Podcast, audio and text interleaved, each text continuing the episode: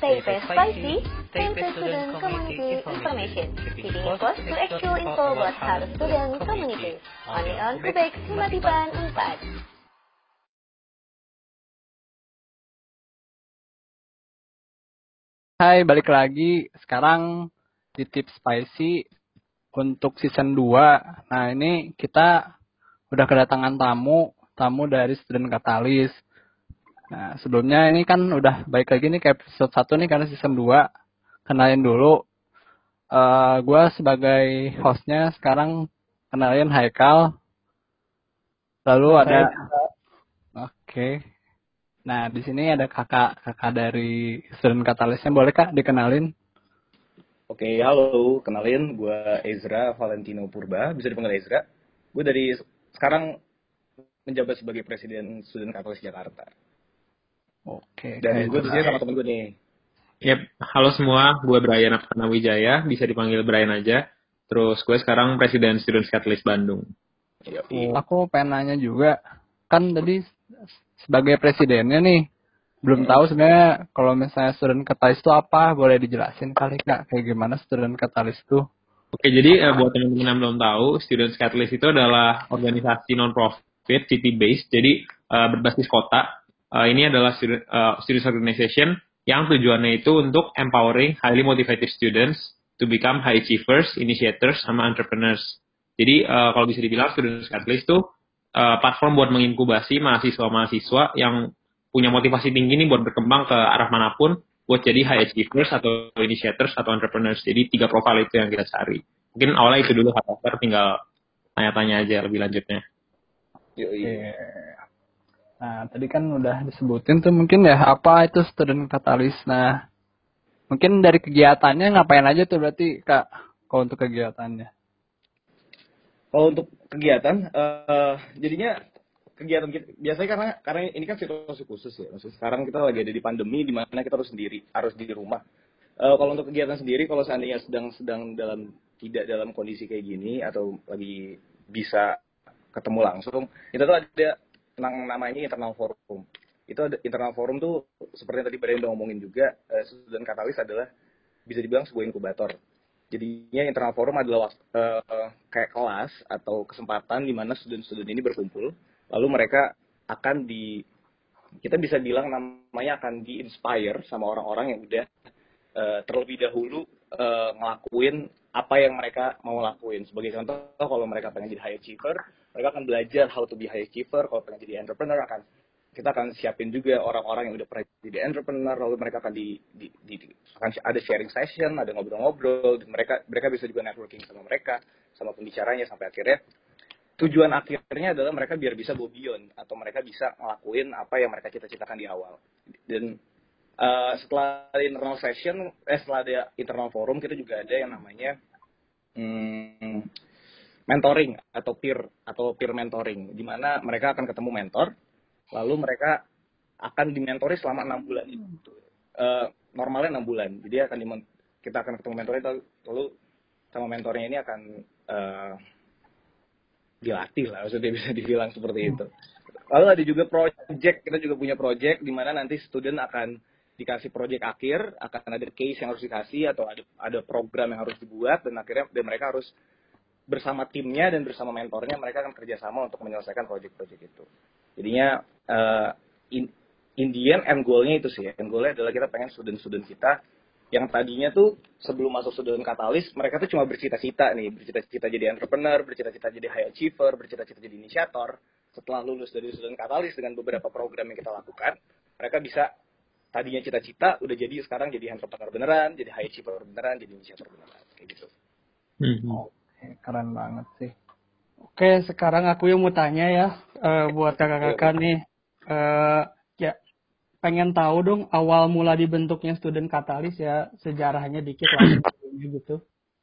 Uh, Oke okay, jadi uh, pertama mungkin kasih tahu dulu kali ya student catalyst itu dibikinnya tahun 2015 Desember tanggal 16 Desember kalau nggak salah ya 16 Desember 2015 dan itu di Bandung dibikinnya.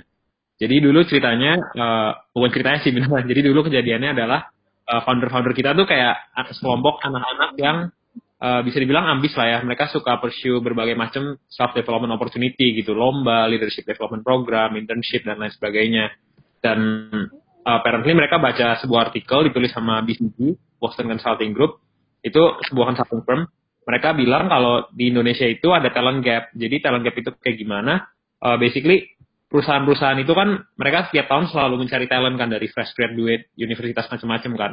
Nah, ternyata ada talent gap di Indonesia, jadi uh, talent yang di-demand sama perusahaan-perusahaan ini dalam hal kualitas maupun jumlahnya itu nggak ada nggak ada supply-nya gitu. Jadi uh, mahasiswa yang lulus tiap tahunnya itu ternyata kualitas dan kuantitasnya kurang mencukupi sama yang dibutuhin perusahaan gitu. Dan masalahnya apa kalau ada ini? Masalahnya adalah jadi orang-orang jadi perusahaan ini akan mulai hiring orang-orang asing gitu kan karena sekarang orang bisa kerja di mana aja kan ada MEA dan lain sebagainya itu kan. Nah, jadi founder kita merasa, oh ini kita harus ngelakuin sesuatu, gimana caranya uh, mahasiswa ini udah bisa mempersiapkan diri buat life after college-nya mereka itu, baik mereka mau jadi uh, pekerja kantor yang di perusahaan yang top, misalnya jadi high achievers gitu kan, atau mereka mau bikin startup sendiri jadi entrepreneur atau jadi inisiator kerja di NGO atau bikin NGO-nya sendiri. Nah itu adalah awal mulanya kenapa student setlist itu di awal mulanya student setlist itu dibangun sih, gitu. Oh, jadi awalnya di Bandung ya? Iya, awalnya di Bandung. Itu foundernya dari, maksudnya dari satu universitas apa gimana itu? Uh, foundernya tuh seingat aku sih dari ITB semua ya, cuma beda-beda jurusan sih. Ada yang elektro, ada yang uh, eh, SBM, ada marketing gitu. Gue lupa sih jurusannya. Cuma dari ITB semua waktu itu. Oke, oke. Nah, selanjutnya aku mau nanya bagaimana sih caranya biar bisa gabung gitu? Maksudnya ada syarat tertentu atau enggak gitu? Untuk bisa gabung. Bre, lu mau jawab gue, Bre? No? Ah, lu dulu deh, main aja.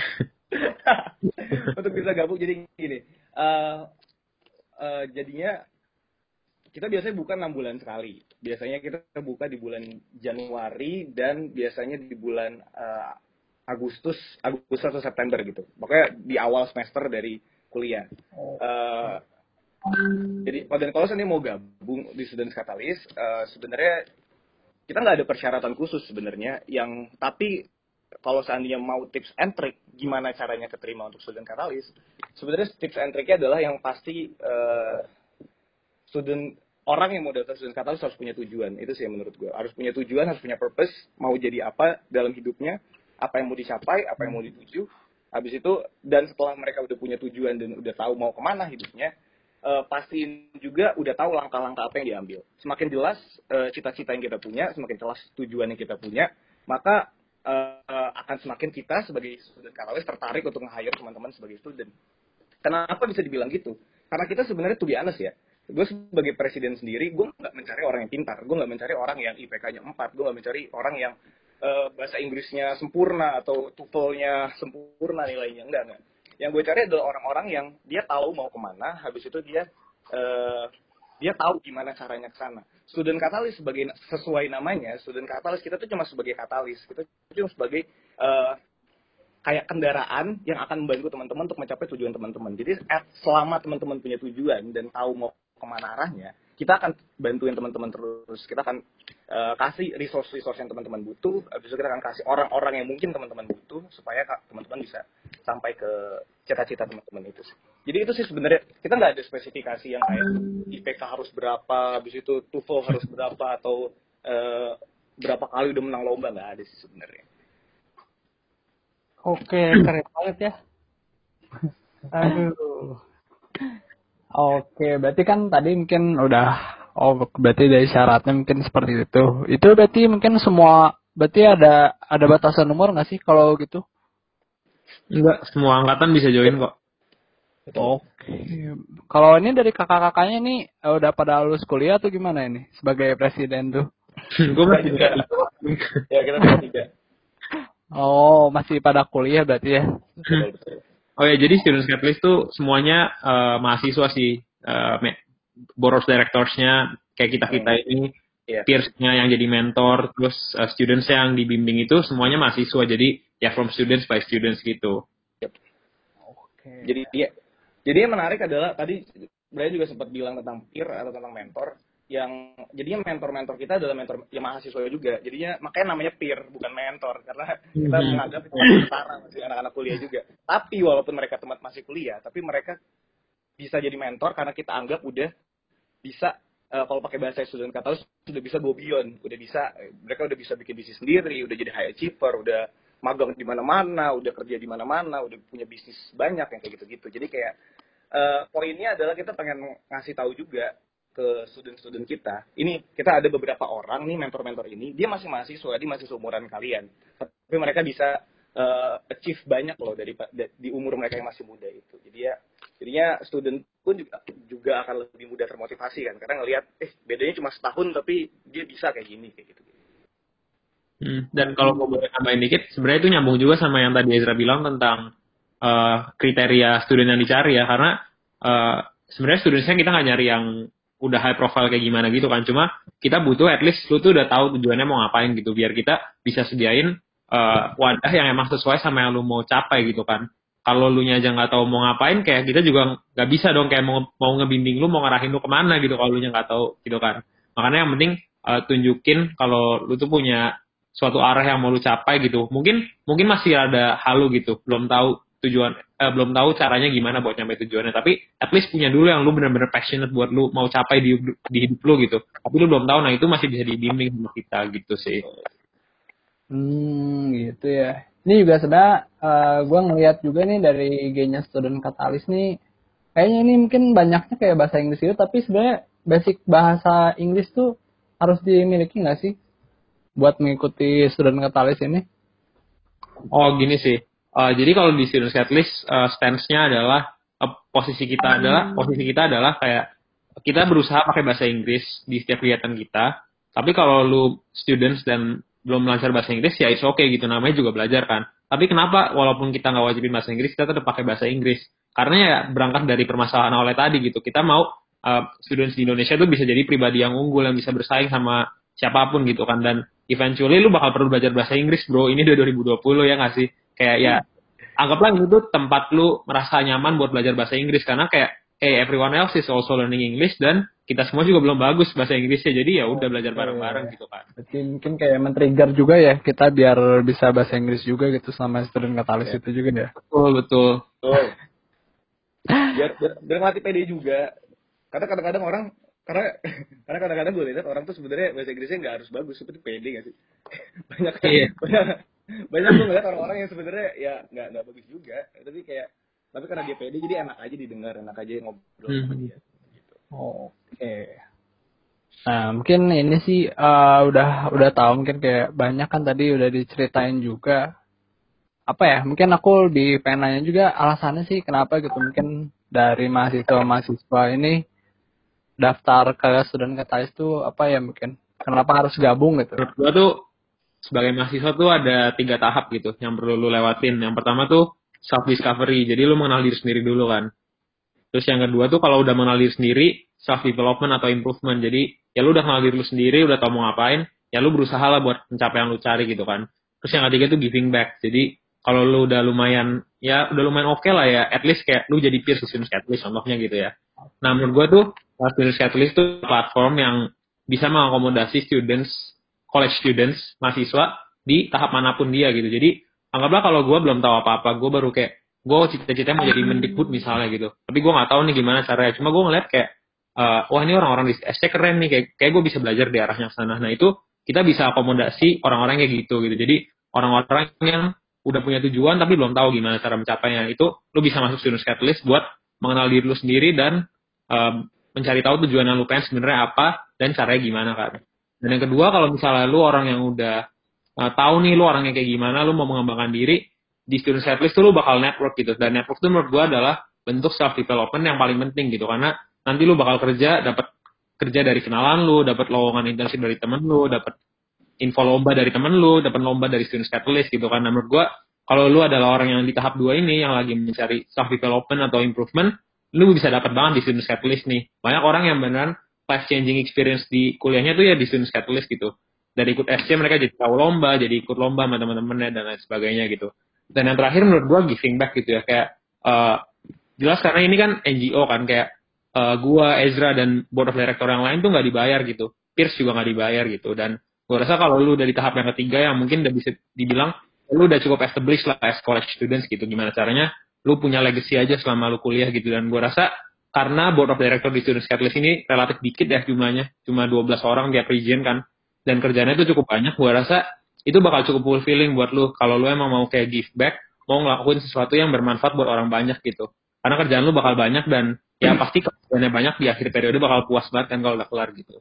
Jadi uh, kalau gue boleh recap kenapa orang masuk Students Catalyst menurut gue adalah karena di college di kuliah itu ada tiga tahap uh, mahasiswa. Dari self discovery, self improvement sama giving back dan Students Catalyst itu bisa jadi tempat buat aktualisasi diri di ketiga tahap tersebut gitu sih. Tuh. banget. Jawabannya tuh emang aduh tinggi banget lah gitu ya.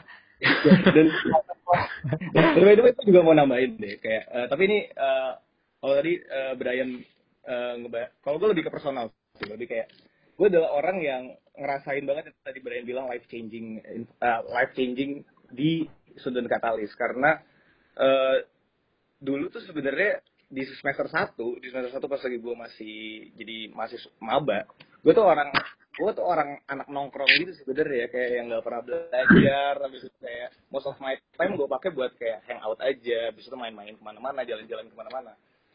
Um, bener-bener bener-bener gak pernah belajar kayak bener, dan dan akhirnya waktu itu gue mikir dong gue gak pernah belajar habis itu gue mikir kayak gue ngapain ya kuliah kepikiran lah untuk bikin bisnis akhirnya bikin bisnis gue cari platform gimana platform yang bisa bantu gue itu itu bisa dibilang mungkin tahap self discovery kali ya kalau dibilang pakai bahasa Brian pas lagi gue kepikiran untuk bikin bisnis. Akhirnya gue masuk SC ikut SC dan ternyata ya uh, cut the story short semua kehidupan gue dari semester 1 sampai sekarang gue ada di semester hampir semester akhir itu semua berubah kayak bisa dibilang 180 derajat dari awalnya. Dan gue bersyukur banget sama SC karena semuanya sama. Karena semua perubahan dalam hidup gue hampir semua hampir banyak semua dipengaruhi oleh SC oleh student katalis kayak gitu sih. Dan benar juga tadi yang Brian ngomong network network yang uh, berguna ya network network yang uh, ngebantu hidup gue juga mostly ketemunya di student katalis. Dan dan yang menarik adalah ketika gue keluar kota ya either itu mau lomba atau mau ada acara keluar kota gue selalu pasti ketemu anak student katalis kayak even gue sama Brian kita kenal satu lomba gitu. Jadi kita ikut lomba yang sama habis itu kita tentunya akhirnya bisa ngobrol karena sama-sama anak SC lu SC gue SC eh SC ngobrol-ngobrol gitu akhirnya yeah. jadi kayak gitu. Jadi kayak networknya sangat uh, secara konten materi-materi yang dibawain itu benar-benar life changing banget. Secara network juga itu benar-benar life changing banget. Jadinya uh, itu kenapa sih student katalis ini banget uh, berharga banget menurut gue oke oke. Keren banget ya. tapi aku ada penasaran nih. Uh, aku mau nanyanya tentang uh, ada kegiatan apa aja gitu kegiatan unggulan yang di SC, di student katalis ini dan selama covid ini kegiatan apa aja yang udah dilakuin gitu? Ya kan student catalyst tuh value-nya ada tiga kan network inspire beyond kan dan tentunya kalau acara jadi online semua susah mau network kan. Karena ya kayak gini kan ngomong susah gitu jadi lebih dekat secara personal gitu kan.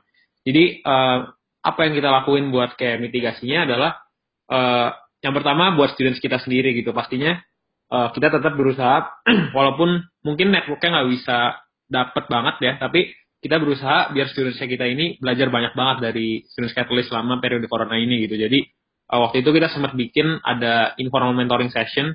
Jadi kayak kalau student catalyst kan bikin forum yang emang udah resminya gitu kan. Tapi di luar forumnya ini kita juga ngadain kayak online mentoring session. Jadi misalnya ada beberapa anak student catalyst yang mau ikut lomba bisnis case atau mau ikut lomba MUN atau mau belajar tentang uh, kepemimpinan organisasi. Kita datengin tuh speaker-speaker dari yang kita kenal gitu. Waktu itu kita sempat datengin orang luar juga kayak ketua BMUI sempat kita datengin jadi uh, pembicara di informal mentoring session gitu. Basically uh, apa pun lah topiknya kayak uh, they name it, we provide it gitu kan.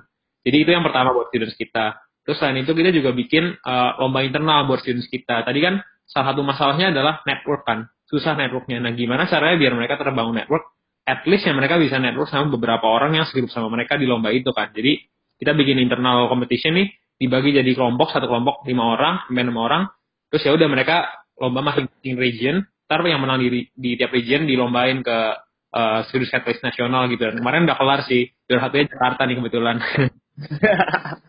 uh, ya, itu lomba idea. Tipis banget. Terus selain uh, terus selain lomba sama um, offline mentor sama informal mentoring session, tadi kan buat studentsnya SC itu sendiri kan, kita juga ngerasa kayak ya udah itu emang udah yang maksimal yang kita bisa kasih ke students kita di uh, masa pandemik ini gitu. Sekarang gimana caranya uh, kita allocate resource yang ada itu buat ngebantuin orang-orang yang di luar gitu kan. Makanya kita di waktu itu campaign namanya Give for Good waktu bulan April. Itu adalah campaign fundraising buat uh, rumah buat panti jompo di Jakarta sih waktu itu. Kita sumbangin sekitar akhirnya 69 juta ke 6 panti jompo di Jakarta tuh. Dan itu pun kita tetap membawa spirit collaboration gitu. Kita bekerja sama sama ISEC Indonesia sama 26 organisasi lain kalau nggak salah waktu itu di campaign Give for Good-nya. Dan selain campaign Give for Good, ya, habis itu kita coba juga sharing knowledge kita ke orang luar gitu. Karena kita tahu kan di masa pandemi ini orang tuh lagi demen-demennya nih online class kan. Kayak kapan lagi sih lu bisa kayak ikut online class di mana-mana? Orang semua mau ikut online class gitu. Dan kita ngeliat itu gitu. Kita ngeliat ada demandnya nih orang-orang. Dan kita ngerasa kayaknya ini adalah momen yang tepat buat kita sharing knowledge kita. Nggak cuma ke student SC doang tapi ke orang-orang yang mungkin mau ikut SC cuma nggak nggak nggak sampean gitu kan ya udah kita bikin online uh, class buat public namanya ngabuburit bareng SC waktu itu di bulan Ramadan gitu. gitu. Itu sih. Mau nambahin, Sa? Enggak sih. Tapi tapi yang gue cuma mau kayak cerita aja kayak uh, jadi di awal gue sama Brian sama yang lain-lain juga sebenarnya kita juga bingung gak sih Brian waktu itu kayak yeah. kayaknya semuanya gagal kita mikir semuanya gagal semuanya uh, gak berhasil kita udah kita udah sempat panik banget waktu itu karena tiba-tiba kita udah bikin plan nih ceritanya udah enam bulan mau ngapain aja tiba-tiba plannya semua gagal karena kita nggak bisa ketemu langsung kan. Tapi ternyata gara-gara covid ini yang tadinya kita pikir kita gagal ternyata kita bisa malah bikin program-program yang lebih banyak daripada sebelumnya. Jadi kayak mm-hmm. uh, poinnya buat siapa pun yang denger nanti denger rekaman ini sebenarnya jangan pernah berpikir eh gue selalu percaya selalu ada hal positif sih dari segala hal jadinya uh, jangan jangan jangan terlalu pesimis lah kalau sebenarnya lagi ada covid atau ada hal-hal lain yang ada di organisasi kalian juga atau mungkin dalam kehidupan kalian juga. Karena pasti ada hal positif sih. Contohnya tadi udah diceritain Brian. Setuju setuju. Nah tadi sama mau nanya juga nih terakhir ini mas. Tadi kan hmm. disebutnya udah ada apa ya uh, student katalis yang nasional itu ya. Nah itu teh uh, ruang ling apa maksudnya udah mencakup ke daerah mana aja sih student katalis ini? Oh, oke. Okay. Student katalis sekarang ada tiga. Kita ada tiga region. Pertama di Bandung. Dari, kita di Bandung dari tahun 2015, uh, eh, berdiri tahun 2015. Lalu tahun 2017 kita ada di Jakarta. Dan sejak tahun 2020 kita ada di Jatim. Jadi sekarang ada tiga region student katalis gitu. Oke. Okay. Banyak juga ya. ya. ya udah ada yeah. ngebesarin lagi nggak? Maksudnya ke daerah-daerah yang lain gitu? Um, gimana Bray? Uh, apa ya? Kalau ditanya mau memperluas atau enggak ya pasti jawabannya pengen lah ya. Yeah. siapa sih yang nggak mau organisasinya tambah besar dampaknya gitu kan? Hmm. cuma yang lihat kondisi sekarang kan lagi corona kan maksudnya uh, ekspansi itu bukan hal yang mudah kan. Harus pertama harus ada orang yang tepatnya dulu ya kan? Terus dia juga nggak bisa sendiri kan. Kalau presiden doang sendiri nggak ada teman-teman yang bantuinnya bubar juga gitu kan. Jadi kayak ya sekarang sih kita prioritas kita prioritasnya sekarang lebih ke ya yang udah ada dulu regionnya gimana cara kita maksimalinnya sama ya kita sharing knowledge melalui platform online aja gitu. Mungkin nanti kalau nanti setelah corona atau 2021 nggak tahu lah gitu sih ya. ya, ya. Emang sih, aduh jawabannya tuh emang keren-keren banget gitu. Iya, ini juga sebenarnya mungkin udah di akhir sih. Makasih banget buat ini Kak Brian sama Kak Ezra nih udah sharing-sharing sama kita. Semoga juga mungkin ntar dari jurusan kami mungkin ada juga mungkin nanti bakal katalisis selanjutnya gitu. Atau mungkin kita, atau kita berdua mungkin. Iya, ya, ya. Semoga tahun 4 lah ada. amin, amin. Waktu itu kita ada roadshow ke Unpad loh. Kalian ikut gak? Pas pas Februari kayak Februari itu waktu kita lagi open recruitment student kita bikin roadshow sih waktu itu ke Unpad sama ke Unpad lumayan ramai tuh waktu itu di Unpad kayak ada 50 orang nggak tahu deh kalian ada nggak di situ waktu itu Kayaknya tidak. next lah ya, next semester, next chapter. Iya, betul. Iya, iya. Udah sih mungkin segitu aja kak. Aduh makasih banget nih waktunya. Menginspirasi banget sih sebenarnya buat buat aku pribadi juga nih. Semoga yang lain juga yang ngedengerin ini terinspirasi juga biar bisa ikutan mengubah hidupnya melalui student katalis ini gitu. Mhm. Oke, makasih ya kak untuk waktunya. Oke, thank you juga udah ngajak-ngajak Thank kita. you semuanya ya, Zeta sama Haikal. Semoga bermanfaat yang gue sama Ezra omongin. Sorry kalau ada salah kata. Pasti nggak sengaja kok.